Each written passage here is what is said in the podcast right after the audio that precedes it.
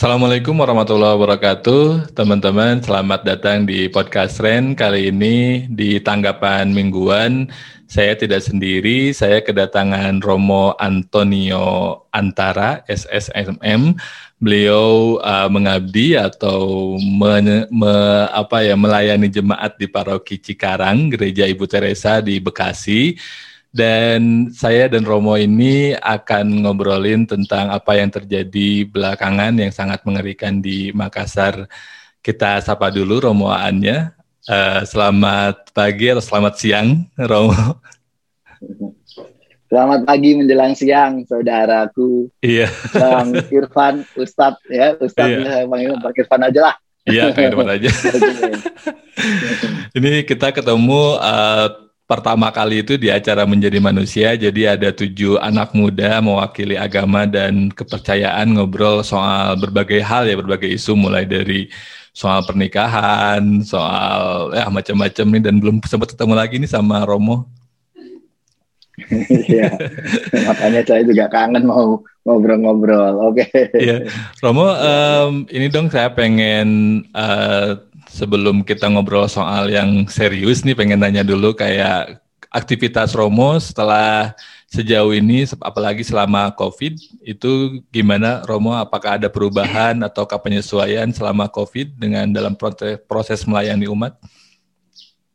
Yang pasti uh, ada satu hmm. perubahan yang besar dalam hidup menggereja khususnya gereja Katolik hmm. di Keuskupan Agung Jakarta Hmm. Karena nah, paroki Cikarang Gereja Ibu Teresa di Kabupaten Bekasi ini masuk di dalam wilayah pelayanan Keuskupan Agung Jakarta itu memang persisnya itu di bulan Maret ya Maret pertengahan eh, kalau tidak salah tanggal 16 Maret itu kami semua pelayanan kegiatan hidup gereja yang hmm.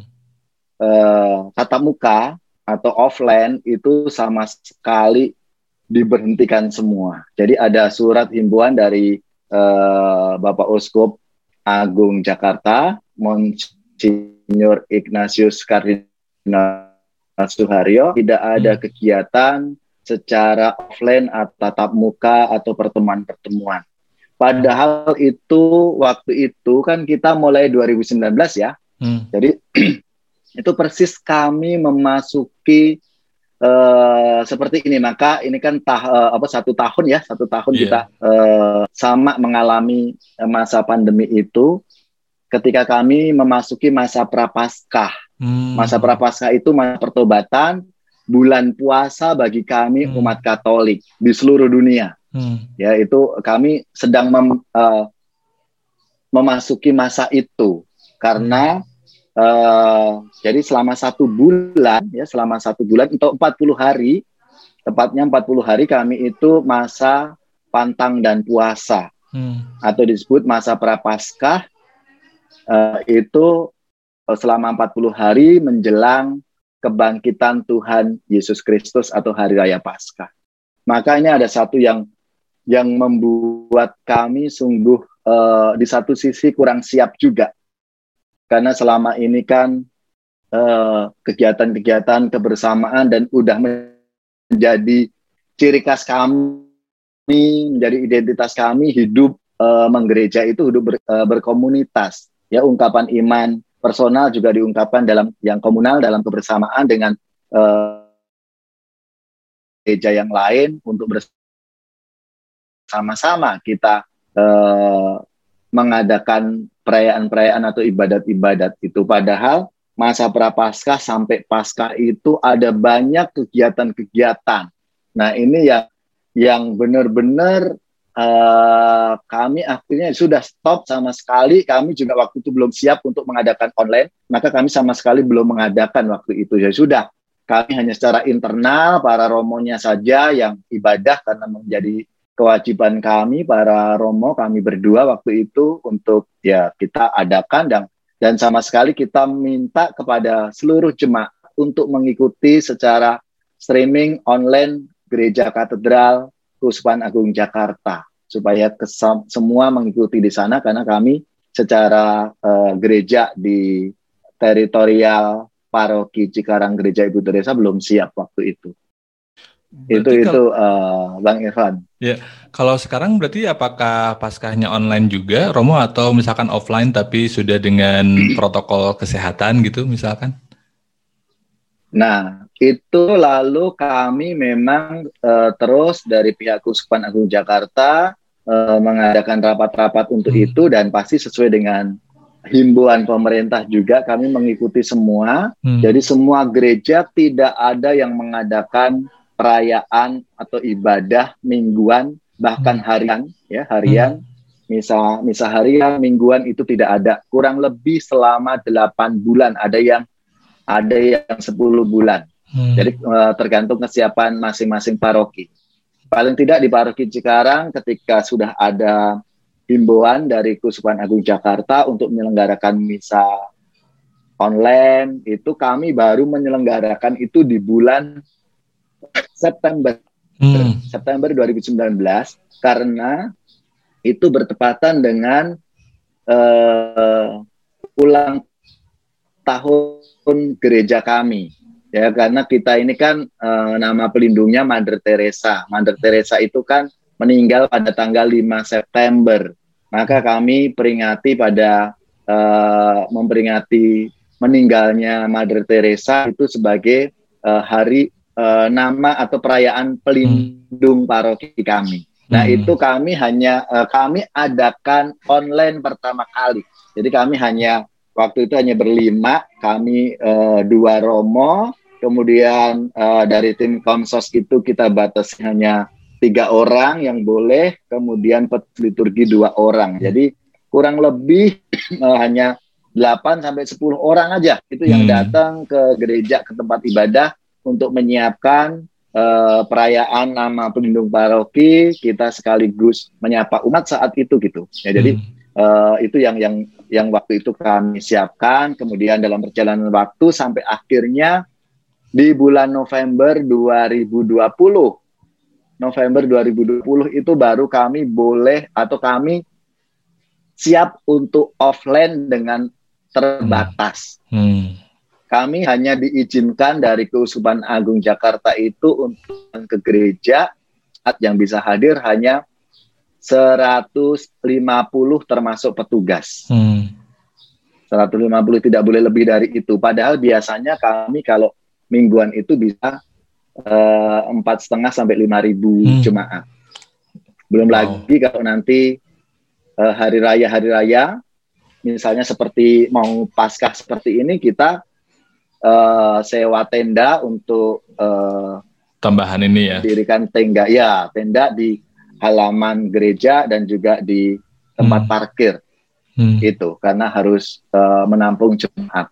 Tapi ini tidak juga sampai sekarang kita masih masih offline, offline jadi terbatas offline-nya ya. terbatas, kemudian uh, online-nya terus berjalan kita online dan itu banyak umat mulai kita karena harus membiasakan juga ya ini kebiasaan baru, jangan sampai uh, umat itu lalu nanti males-malesan untuk beribadah karena hmm, hmm. kita nggak bisa ngontrol ini kan ya, hmm, hmm. kita nggak bisa ngontrol uh, ngontrolnya bagaimana? Ini kan mereka di rumah masing-masing. Apakah mereka bisa atau tidak? Hmm, Ibadah hmm. atau tidak? Kita kan nggak ngerti. Maka uh, kami sungguh mengharapkan kepada pengurus-pengurus di lingkungan untuk menggerakkan umatnya tetap mengadakan hmm. Uh, pertemuan tapi secara online lewat hmm. uh, Zoom hmm. seperti itu atau yeah. uh, fasilitas-fasilitas yang lainnya. Nah, itu kemudian kami inisiatif menyelenggarakan online lingkungan-lingkungan kan paroki itu hmm. terbagi dalam lingkungan-lingkungan. Kami ada 58 lingkungan. Itu kadang uh, apa bisa satu satu perumahan itu satu hmm. lingkungan atau beberapa perumahan menjadi satu menjadi satu lingkungan seperti itu. Nah, kami menyelenggarakan tapi secara online. Hmm. Jadi kami secara online. Di situ kita bisa bisa cek uh, ya kembali kegarian jemaat untuk untuk ibadah. Iya. Gitu. Berarti Dan ini juga, ya. oh, agak, agak ini jadi jadi penasaran berarti ini sekarang uh, Romo sedang puasa berarti ya karena sebentar berapa ya, hari kan kami betul kami ini sudah di minggu kelima prapaskah ya kita sudah hmm. memasuki hari minggu kelima prapaskah lalu ini mulai hari Senin sampai nanti hari Minggu ini kita yang disebut Minggu Pekan Suci. Hmm. Ya, Pekan Suci itu berarti kita memang minggu-minggu yang uh, semacam lebih banyak keheningan, kita mengadakan ada rekoleksi. Ini besok kami uh, pagi sampai siang ada rekoleksi bagi para romo semua di Kuspan Agung Jakarta. Kita uh, semacam pembekalan rohani gitu, persiapan untuk uh, Trihari Suci. Trihari Suci itu di hari Kamis, Kamis Putih, Jumat Agung, Wafat Isa Al-Masih, lalu Sabtu sepi, hmm. dan Hari Raya Paskah. Gitu. Hmm. Wah, ini ini jadi agak jadi agak sedih ya. Maksudnya kayak sebentar lagi ada momen yang begitu sakral gitu bagi teman-teman uh, Katolik, tapi kemudian kita kemarin mendengar kabar juga yang mengerikan ada setelah seki, setelah sekian lama gitu ya tanpa terduga yeah. ada penyerangan hmm. kembali ke sebuah gereja di Makassar. Uh, pengen dengar tanggapan uh, Romo dong terkait ini, Romo. Nah itu juga persis kemarin saya juga kaget ya, baru hmm. selesai saya ibadah bersama maaf, hmm. itu pulang dari gereja dikabari seperti itu. Padahal ini kan kita benar-benar memulai saya dalam khotbah menyampaikan kepada hmm. uh, jemaat saya, umat saya untuk bahwa hari ini Yesus masuk kota Yerusalem, Yesus dielulukan sebagai raja Hmm. Kita membawa daun palma untuk mengelulukan Tuhan. Yesus gitu ya. Hmm. Tapi di dalam uh, ibadah itu kan uh, di awal-awal memang kita uh, merenungkan bahwa Yesus yang adalah raja dielulukan gitu. Uh, lalu setelah itu masuk di dalam perayaan ekalisti liturgi kan kita bacaan sabdanya itu lebih pada kita bacaan yang panjang, kita hmm. dibacakan kisah sengsara Tuhan kita Yesus Kristus, bagaimana Yesus yang tidak terima, Yesus yang dikhianati sampai diadili, hmm. dan akhirnya wah di kayu salib itu kan dikisahkan nih kemarin hmm. gitu ya. Hmm. Lalu ya saya merefleksikan kepada mengajak umat saya bahwa kita juga punya Yerusalem masing-masing. Yerusalem itu hmm. apa? Yerusalem adalah tempat perjuangan hidup kita. Hmm. Apalagi masa pandemi ini gitu, kita diajak untuk sungguh-sungguh masuk dalam misteri itu. Yang mungkin kadang kita merasa uh, setiap keluarga pasti punya persoalannya masing-masing. Apalagi di masa pandemi ini ada yang hmm. kita juga lihat berita berita di media sosial keluarga-keluarga banyak yang bercerai, hmm. ya kan. Hmm. Belum iya. lagi yeah. uh, dampak dari ekonomi mengenai pandemi seperti ini.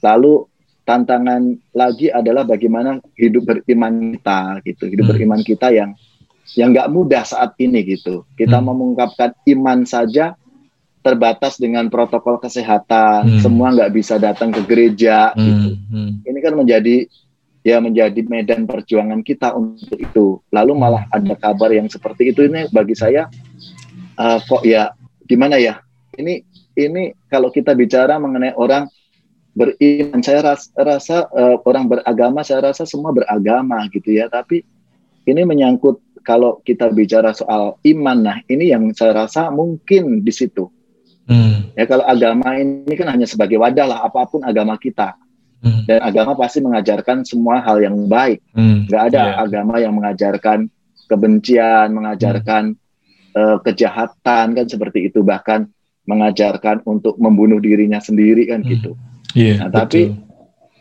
eh, ini ada pengalaman yang seperti ini gitu. Ini lalu menjadi pertanyaan apakah ini orang beriman tidak? Gitu. Sampai hmm. sampai eh, mengorbankan ya, oke okay, mengorbankan dirinya tapi kan eh, dengan yang lain dampaknya yeah. kan seperti itu. Nah, itu yang yang ya kami juga menghimbau kepada jemaat semua untuk kita tenang dalam suasana seperti ini justru menjadi kesempatan bagi kita untuk semakin memperdalam iman kita kepada hmm. Tuhan Yesus bahwa ikut Yesus nggak mudah banyak tantangan-tantangan yang kita hadapi baik dari dalam diri sendiri uh, keluarga kita maupun dari uh, ya hmm. di luar diri kita gitu betul, betul. itu yang yang kemarin ya menjadi paling tidak menjadi refleksi permenungan kami gitu hmm. untuk itu di saat kami memasuki minggu eh, minggu-minggu yang terberkati, minggu-minggu dalam merenungkan misteri penderitaan Tuhan kita Yesus Kristus. Hmm. Itu itu bang. Iya. Yeah. Ini memang agak ini ya pas namanya saya juga terkejut gitu. Saya ingat banget beberapa waktu sebelumnya kan uh, Romo juga ngajak untuk diskusi soal toleransi di Indonesia gitu. Yang tadinya saya sempat berpikir bahwa oh mungkin ini sudah agak lebih baik nih relatif gitu ya karena uh, jadi sebelum COVID itu Romo saya pernah baca riset yang menyebutkan bahwa yang kalangan-kalangan ekstremis ini itu menunda kejahatan mereka karena mereka khawatir COVID ini adalah tanda menuju kiamat.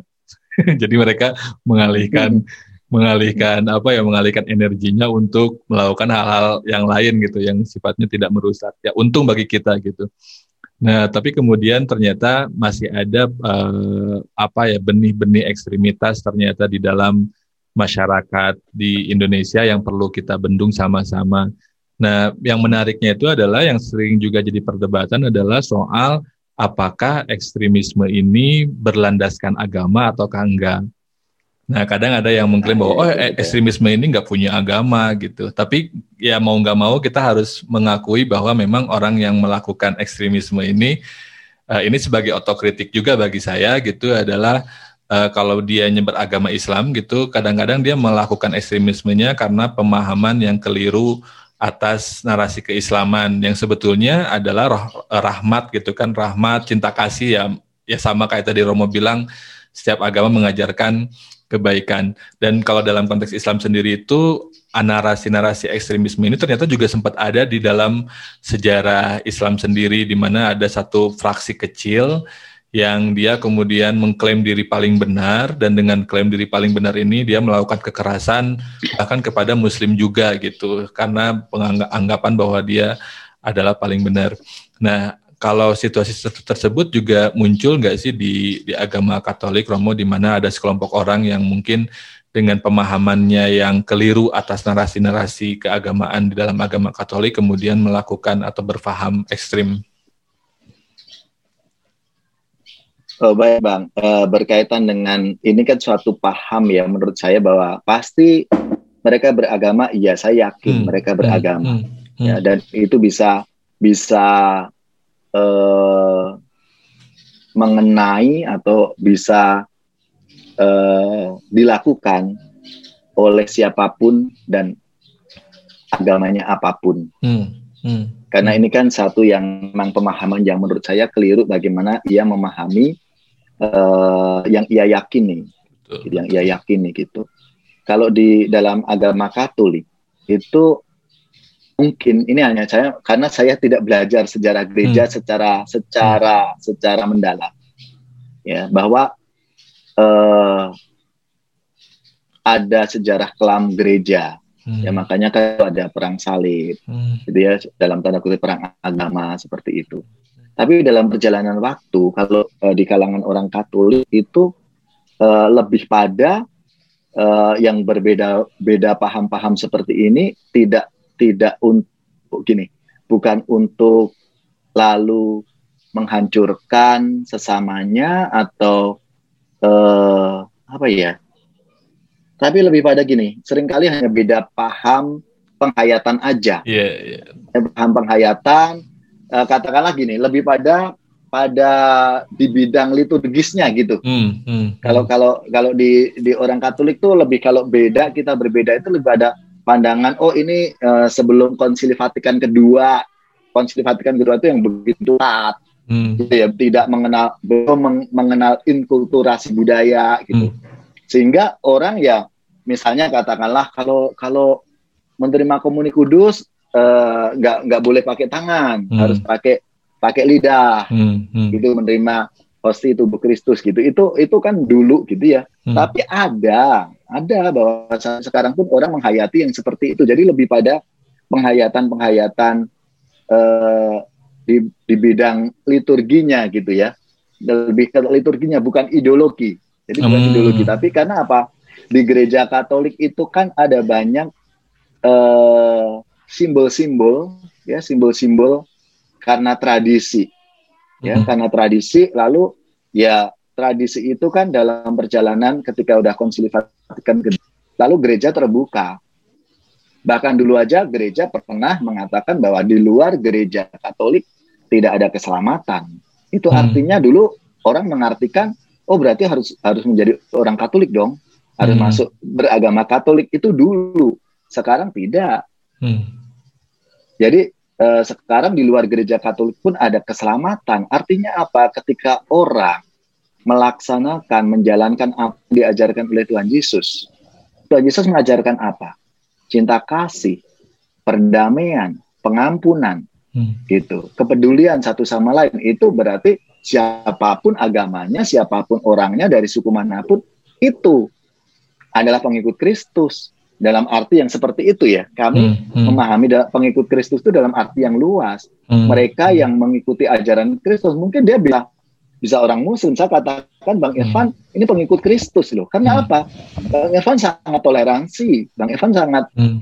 sangat peduli sama orang yang membutuhkan misalnya itu hmm. itu itu pengikut Kristus dalam yang luas bukan agama kita gitu karena kalau kita bicara agama Katolik Yesus nggak agama Katolik loh Yesus agamanya Yahudi hmm. ya Yesus Yahudi dia orang Yahudi gitu bukan bukan Katolik hmm. gitu. Tapi kami orang Katolik itu mengikuti dia ajarannya. Hmm. Gitu, ajaran cinta kasih, pengampunan, kepedulian, hmm. gitu, toleransi, belas kasih seperti itu.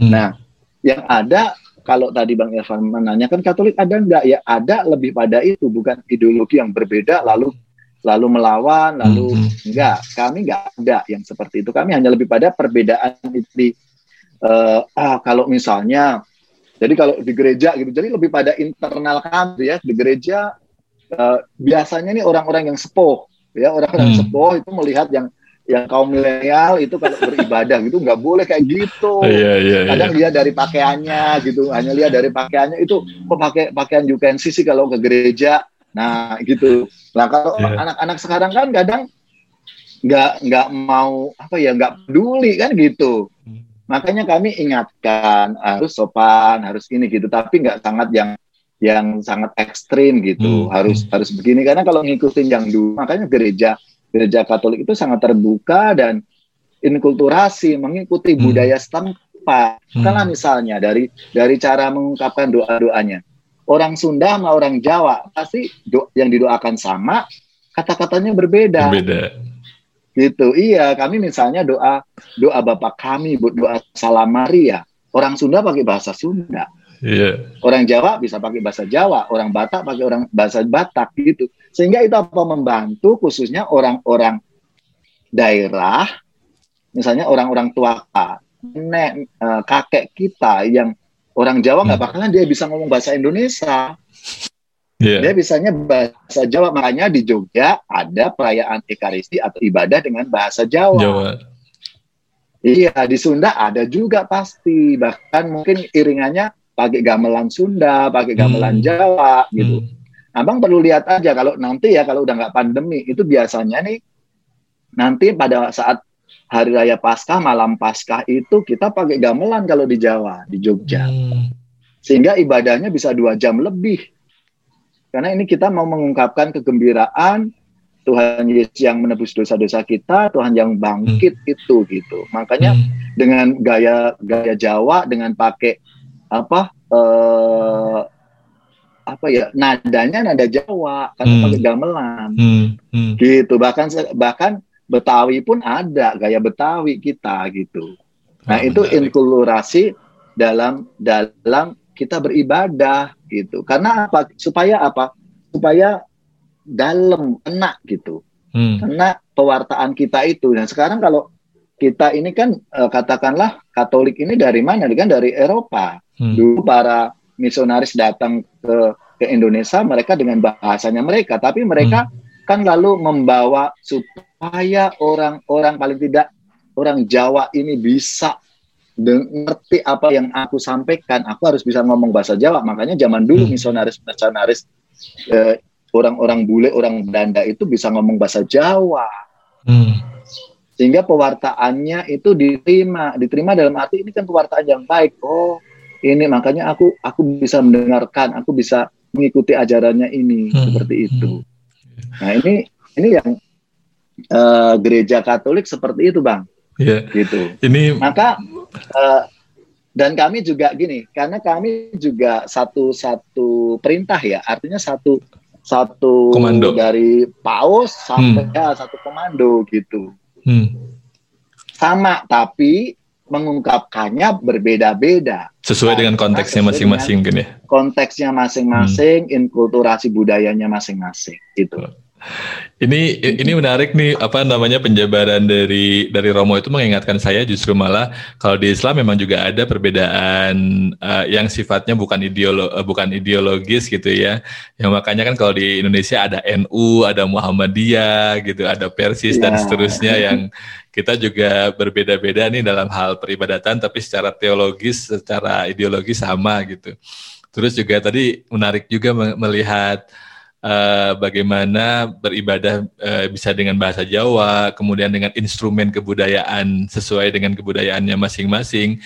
Dan ini malah mengingatkan saya pada dakwahnya Wali Songo gitu, kalau dalam konteks Islam yang juga menggunakan budaya setempat guna menyampaikan Islam yang memang secara secara nilai itu harusnya salam, harusnya menyampaikan perdamaian, keselamatan, yang harusnya kalau misalkan uh, ada orang lain yang merasa terancam dengan keberadaan si muslim berarti dia belum menjadi Islam sepenuhnya gitu kalau secara nilai gitu. Apalagi kalau dia punya niat memang menghilangkan nyawa atau mengancam keamanan orang lain berarti dia yeah. cuman muslimnya KTP aja nih. Ya betul. Ya itu. Makanya perlu dipertanyakan sebetulnya. Uh, apa keimanannya. Kalau menurut saya Betul. sih keimanannya Keimanan, dia ya, mengimani agamanya itu. Hmm, gitu. Yeah, yeah. karena karena agama itu semuanya mengajarkan yang baik. Hanya bagaimana dia mewujudkan imannya di agama itu. Hmm, hmm. Gitu. Ya, dan ini makanya sebetulnya dan, saya pengen ngobrol sama Romo itu karena mungkin yang terjadi salah satunya karena ada prasangka ya, karena jarang jarang ada kesempatan ngobrol dengan yang berbeda agama sehingga bawaannya itu uh, persangkanya buruk aja gitu atau iya. stereotipnya jelek aja kepada yang berbeda agama dan itu bisa bisa bisa bolak-balik ya maksudnya bisa dari Islam ke dari Muslim ke yang Katolik atau dari Katolik ke yang Muslim itu bisa kayak gitu. nah menurut uh, Romo sendiri ini kita uh, ini kan kayak ekstremisme ini menjadi PR kita bersama nih kita apalagi yang punya istilahnya secara sengaja maupun tidak sengaja diamanahi tanggung jawab untuk sama-sama mengajak umat gitu ya katakanlah seperti itu untuk sama-sama menjaga keharmonisan, perdamaian, cinta kasih gitu, keselamatan. Nah, kira-kira apa ya yang bisa kita lakukan untuk menangkal narasi-narasi ekstrim ini, Romo kira-kira? Nah, uh, gini, uh, Bang. Jadi uh, sikap ekstrim itu muncul seperti yang tadi karena hmm. apa prasangka-prasangka tadi karena kalau kita lihat dari dari sejarahnya ya saya ini kan dari paling tidak dari kampung saya saya orang hmm. Jogja hmm. saudara-saudara saya itu kalau kita bicara soal agama agamanya macam-macam hmm. bahkan saya satu satu rumah saja kakak saya ada, ada yang Muslim hmm. ada yang Kristen gitu ya karena memang ya apa ya uh, itu nggak menjadi problem gitu. Kalau kita lihat dari sejarahnya ya, dari sejarah uh, saya gini, uh, budaya kita di kampung itu semua satu kampung itu ya bersaudara gitu. Hmm. Maka nggak akan ada tadi nggak akan ada orang curiga terus hmm. uh, was-was dan lain sebagainya. Nah, yang menjadi persoalan itu ketika apa? Kita belum saling mengenal. Hmm. Dan kebanyakan nih yang saya lihat nih, Bang, yang saya lihat hmm. uh, paling tidak kok kebanyakan itu uh, misalnya nih saya di Kabupaten Bekasi, saya di Cikarang. Hmm. Itu bukan orang-orang asli Cikarang loh. Hmm. Bukan orang-orang kampung Cikarang loh yang bersikap seperti itu, tapi kebanyakan pendatang. Hmm. Makanya saya ketika banyak perumahan-perumahan baru, lalu orang datang dari berbagai tempat. Nah, ini yang menurut saya itu yang yang sepertinya eh, orang-orang uh, yang yang seperti itu yang kayaknya kalau tidak punya dasar dari dari kehidupan bermasyarakatnya hmm. itu yang yang sangat rentan menurut saya. Hmm. Itu. Sehingga kalau ada orang orang sedikit uh, ada ngumpul-ngumpul, lalu ngumpul-ngumpulnya berkaitan dengan ibadah. Kadang kan ada tradisi kalau kita orang Jawa itu kan ada mendoakan orang meninggal kan. Hmm, betul. Kalau orang Muslim ada tahlilan, gitu yeah. kan. itu udah biasa di tempat saya gitu kan. Gitu bahwa uh, kami pun bahkan yang yang Islam yo dengan cara Islamnya dengan tahlilan habis hmm. itu kita yang Katolik ya dengan cara kita Katolik no problem gitu hmm. tapi kalau itu di suatu tempat yang baru ada perumahan-perumahan baru itu jadi masalah hmm. gitu karena apa orang nggak saling mengenal maka baik ya maka saya selalu me me menyampaikan kepada jemaat saya kalau kita tinggal di suatu tempat saling mengenal satu sama lain hmm. harus kenal depan rumahnya 10 rumah hmm. belakang hmm. rumahnya 10 hmm. rumah kiri hmm. kanannya sepuluh rumah. Saya mengatakan hmm. itu supaya kita saling mengenal sebagai satu saudara. Hmm. Sekarang kita di kita juga nggak nggak milih-milih kan. Oh aku nanti tinggal di perumahan ini uh, tetanggaku harus ini harus ini kan hmm. kan tidak. Betul betul gitu. betul. Justru di situ kita ya harus harus memulai harus memulai hmm. saling memperkenalkan diri. Hmm hmm. memperkenalkan diri untuk ayo lalu keterlibatan dalam hidup bermasyarakat ada hmm. gotong royong itu kan menjadi ciri khas kita loh hmm. yeah. kalau itu nggak ada ini kan ini yang bagi saya ini rentan kalau hmm. kita udah nggak ada nggak ada kepedulian nggak hmm. ada uh, saling membantu ini ini yang sangat rentan untuk itu hmm. maka yeah. saya rasa budaya gotong royong, kebersamaan. Zaman dulu kalau di kampung kita ada ada jempol ronda kok keliling kan hmm. kan gitu. Yang bapak-bapak ya kan. Gitu. Yeah. Nah ini kebiasaan-kebiasaan budaya kita ini loh harus harus kita kembangkan terus menerus hmm. hmm. gitu supaya apa tidak dimasuki ya budaya-budaya yang yang nanti kalau kita begini beda lalu ini menjadi lawan kita, menjadi hmm, musuh hmm, kita. Hmm. Itu kan nggak benar kalau sikapnya seperti itu. Maka ya baik kalau kita ini uh, sebagai paling tidak kita tokoh-tokoh agama, hmm. sama-sama tokoh-tokoh agama dulu, hmm. yang punya andil, punya peran karena apa? Punya punya pengikut, punya hmm. jemaat, hmm. punya jemaahnya. Hmm. Ini hmm. karena kan sering kali kan umat kita, jemaah kita ini kan mendengarkan apa kata kata tokoh pimpinan agamanya. atau tokoh yeah. agamanya.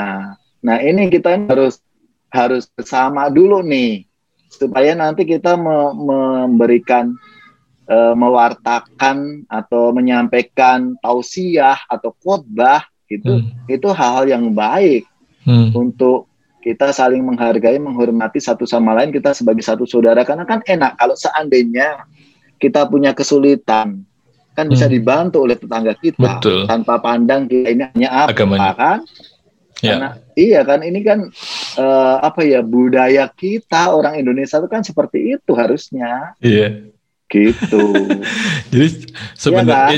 iya jadi jadi sebenarnya kita udah sebetulnya kita secara budaya punya perangkat atau punya senjata yang ya, lengkap kita ya. modal, punya modal. Punya modal, betul. Ya dan dan tinggal kita kemudian mengeskalasi modal itu, mengoptimalkan modal itu dan yang bisa mengoptimalkan salah satunya adalah dengan peran tokoh-tokoh agama untuk menyampaikan narasi-narasi yang memang tepat sesuai ajaran agama yang pada akhirnya objektifnya adalah kebaikan, kemaslahatan, keselamatan, iya, cinta betul. kasih dan seterusnya ya. Iya. Supaya apa, Bang? Karena itu nanti kalau tidak itu hmm. sampai bahkan ya contoh saja pilihan hmm. RT RW aja nanti berdasarkan agama loh. Kalau nggak hmm. cocok, nggak sesuai, nggak ini hmm. sama agamanya nggak mau. itu bisa jadi berantem. Iya ya benar, Tapi kalau seandainya sudah kita ini udah bersaudara satu sama hmm. lain, apa pun agamanya, menurut saya nggak akan masalah. Yeah, Maka yeah. penting di sini adalah peran-peran tokoh agama dulu. Hmm. Tokoh hmm. agama nih, yang hmm. sering kali kan mengkotbahkan ini, mengkotbahkan hmm. itu gitu kan. Hmm. Saya hanya hmm. belajar dari umat saya. Umat saya itu kan selalu pasti akan mendengarkan. Kemarin Romo khotbah ini loh, kata Romo ini bahkan kadang dipakai loh sama anaknya. Misalnya hmm. seandainya ibunya atau orang tuanya itu uh, misalnya nih suka hmm. marah-marah gini-gini, hmm. nanti anaknya bisa loh apa gunanya ke gereja dengerin khotbah Romo untuk begini-begini. Nah itu kan benar yeah, kan? Yeah. artinya kan umat itu kan mendengarkan. Yeah, yeah, benar, Maka hati-hati gitu loh. Hmm. Itu bang. Hmm. Yeah. Baru setelah itu peran tokoh masyarakat hmm. untuk untuk semakin me, uh, memfasilitasi gitu kan. Tokoh hmm. agama kan berarti lewat ya lewat di tempat ibadah masing-masing lah. Itu yang hmm. kita harus terus menerus artinya kita kita masuki uh, pewartaan-pewartaan hal-hal yang baik apa yang hmm. diajarkan oleh uh, oleh Tuhan kepada kita semua gitu kan. Hmm, hmm. Nah, nanti tokoh-tokoh masyarakat ini memfasilitasi contohnya yuk kita sama-sama piket ronda nih di jadwal hmm. gantian kan jadi saling kenal kan. Betul, gitu. Ayo tolong kita yuk siapa yang mau jadi pengurus RT RW kita sama-sama yuk batnya. Hmm. Gitu. Kita sudah punya modal kok, modal hmm. yang yang sudah peninggalan nenek moyang kita dulu. Gitu. Betul, betul, betul. Jadi um, kalau boleh saya simpulkan, pertama kita harus punya gagasan atau pemahaman bahwa kita adalah saudara ya. Kalau saya sering senang banget nih ngutip salah satu uh, quote-nya, kalau kita nyebutnya quote, uh, dari Ali bin Abi Thalib yang bilang bahwa yang bukan saudaramu dalam iman adalah saudaramu dalam kemanusiaan dan bisa kita ya, perkecil betul. lagi kan saudaramu dalam keindonesiaan kita lah istilahnya dan ya. setelah pemahaman itu kemudian masing-masing dari kita berupaya untuk berinteraksi saling mengenal yang dengan saling mengenal itu akan tercipta kolaborasi kerjasama sehingga menurunkan sentimen-sentimen negatif baru kemudian di level atasnya tokoh agama dan tokoh masyarakat bisa membantu mendorong agar si suasana keharmonisan dan toleransi ini bisa terbangun. Ya menarik sekali nih Romo diskusinya. Iya. Semoga kita diskusi ini ada manfaatnya nih buat iya. teman-teman yang Betul. mungkin juga kalau dalam konteks podcast ini agak terkejut loh kok kenapa uh, podcast yang keislaman malah ngobrol dengan yang non Islam gitu karena justru malah di podcast kami ingin menunjukkan bahwa uh, walau uh, walau perbedaan agama itu tidak mesti dijadikan penghalang untuk kita berdiskusi untuk saling mengenal sehingga dengan saling mengenal itu kita tidak tidak tidak timbul kesaling curigaan dan kita bisa bisa tumbuh kesadaran bahwa memang perbedaan agama ini adalah sunnahnya Tuhan gitu. Amin. Oke. Okay. dulu waktu saya juga ngisi acara agama Katolik kan kita semua ada di TVRI kan punya hmm uh, punya adaranya masing-masing ya mimbar agama Katolik. Tapi saya waktu itu ngajak uh, Kiai Nurul Huda, hmm. pemimpin motiv pesantren motivasi Indonesia saya ajak. Hmm. untuk untuk yuk kita bicarakan ini ada kaitannya dengan toleransi hmm, dan hmm. selama ini kan kami bekerja sama gitu loh bang betul, betul, bekerja betul. sama dalam dalam kegiatan-kegiatan bahkan di luar kegiatan pun kita goes bareng hmm. gitu ya untuk untuk ya saling ngobrol-ngobrol gitu. Yeah. Wah itu itu itu seru seru banget nih perlu perlu perlu diduplikasi nih di banyak tempat gitu gimana Romo dan Kiai bisa bergandengan tangan Insya Allah umatnya juga bisa saling bergandengan tangan. Oke Romo terima kasih banyak udah meluangkan waktu. Iya betul. Gimana? Bang kita juga kerjasama untuk meningkatkan UMKM itu. Oh. Nanti tanya Pondok Pesantren Motivasi Indonesia. Kemarin kita undang uh, Bapak Menteri hmm. uh, Menteri Agama, kemudian Pak Ahok juga, tapi uh, karena pandemi lalu mereka uh, streaming aja hmm. Hmm. lewat virtual, tapi saya hadir di sana dan juga ketua NU, hmm. uh, ketua NU Kabupaten Bekasi juga hadir. Jadi saya di pesantren motivasi saya udah kayak kayak kayak yang punya pesantren aja. Ya, pesantren. Aduh. Tapi kalau ya gitu. berarti kan alham, alhamdulillah jadinya teman-teman di pesantren motivasi Indonesia juga udah nggak terkejut kan kalau kan kadang-kadang pesantren iya. nggak yeah. uh, nggak nggak semuanya punya pengalaman untuk bertemu dengan tokoh agama dari hmm. agama lain gitu sehingga pasti mungkin iya, akan Iya, udah udah biasa, Bang. Iya. Bahkan waktu kami adakan LDK bersama mau dilatih hmm. oleh Kepasus tuh waktu itu hmm. kita kan beberapa pesantren kami undang di area Kabupaten Bekasi ini kita hmm. untuk untuk uh, dilatih oleh Kopassus berkaitan membela negara dengan hmm. anak-anak hmm. remaja khususnya. Hmm. Nah itu aja subuh-subuh mereka kan harus satu. Hmm. Sholatnya di di gereja saya tuh bang. Di atasnya hmm. ada salib itu. Mereka pada sholat di situ. Udah sini aja tempatnya nggak apa-apa. Ini yeah. ini udah disucikan. Gitu. Wah itu itu itu indah indah banget sih. Kalau di kalau di saya kuliah itu ada juga tuh uh, Romo apa namanya kayak multi faith prayer room. Jadi satu ruangan yang semua agama hmm, uh, beribadahnya yeah. di situ. Itu pengalaman pertama saya kayak di merasakan uh, perbedaan yang ya, yang yang nggak mesti dipertentangkan gitu karena memang nggak bisa dipungkiri terjadi dan memang sunnahnya Tuhan gitu.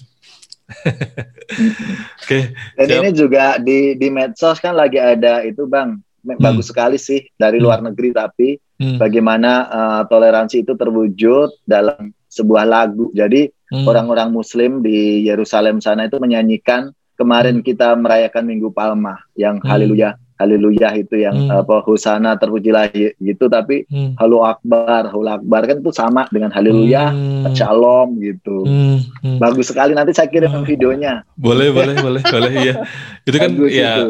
Uh, bahasa Ibraninya dari ini kan ya iya betul iya kan memang satu bahasa sebenarnya kan di sana Oke siap. Uh, kita ini yang sering kali orang-orang yang nggak bertanggung jawab itu menafsirkannya yang berbeda. Hmm. Dan tanpa pengetahuan juga ya. Semuanya kita ini kan iya betul.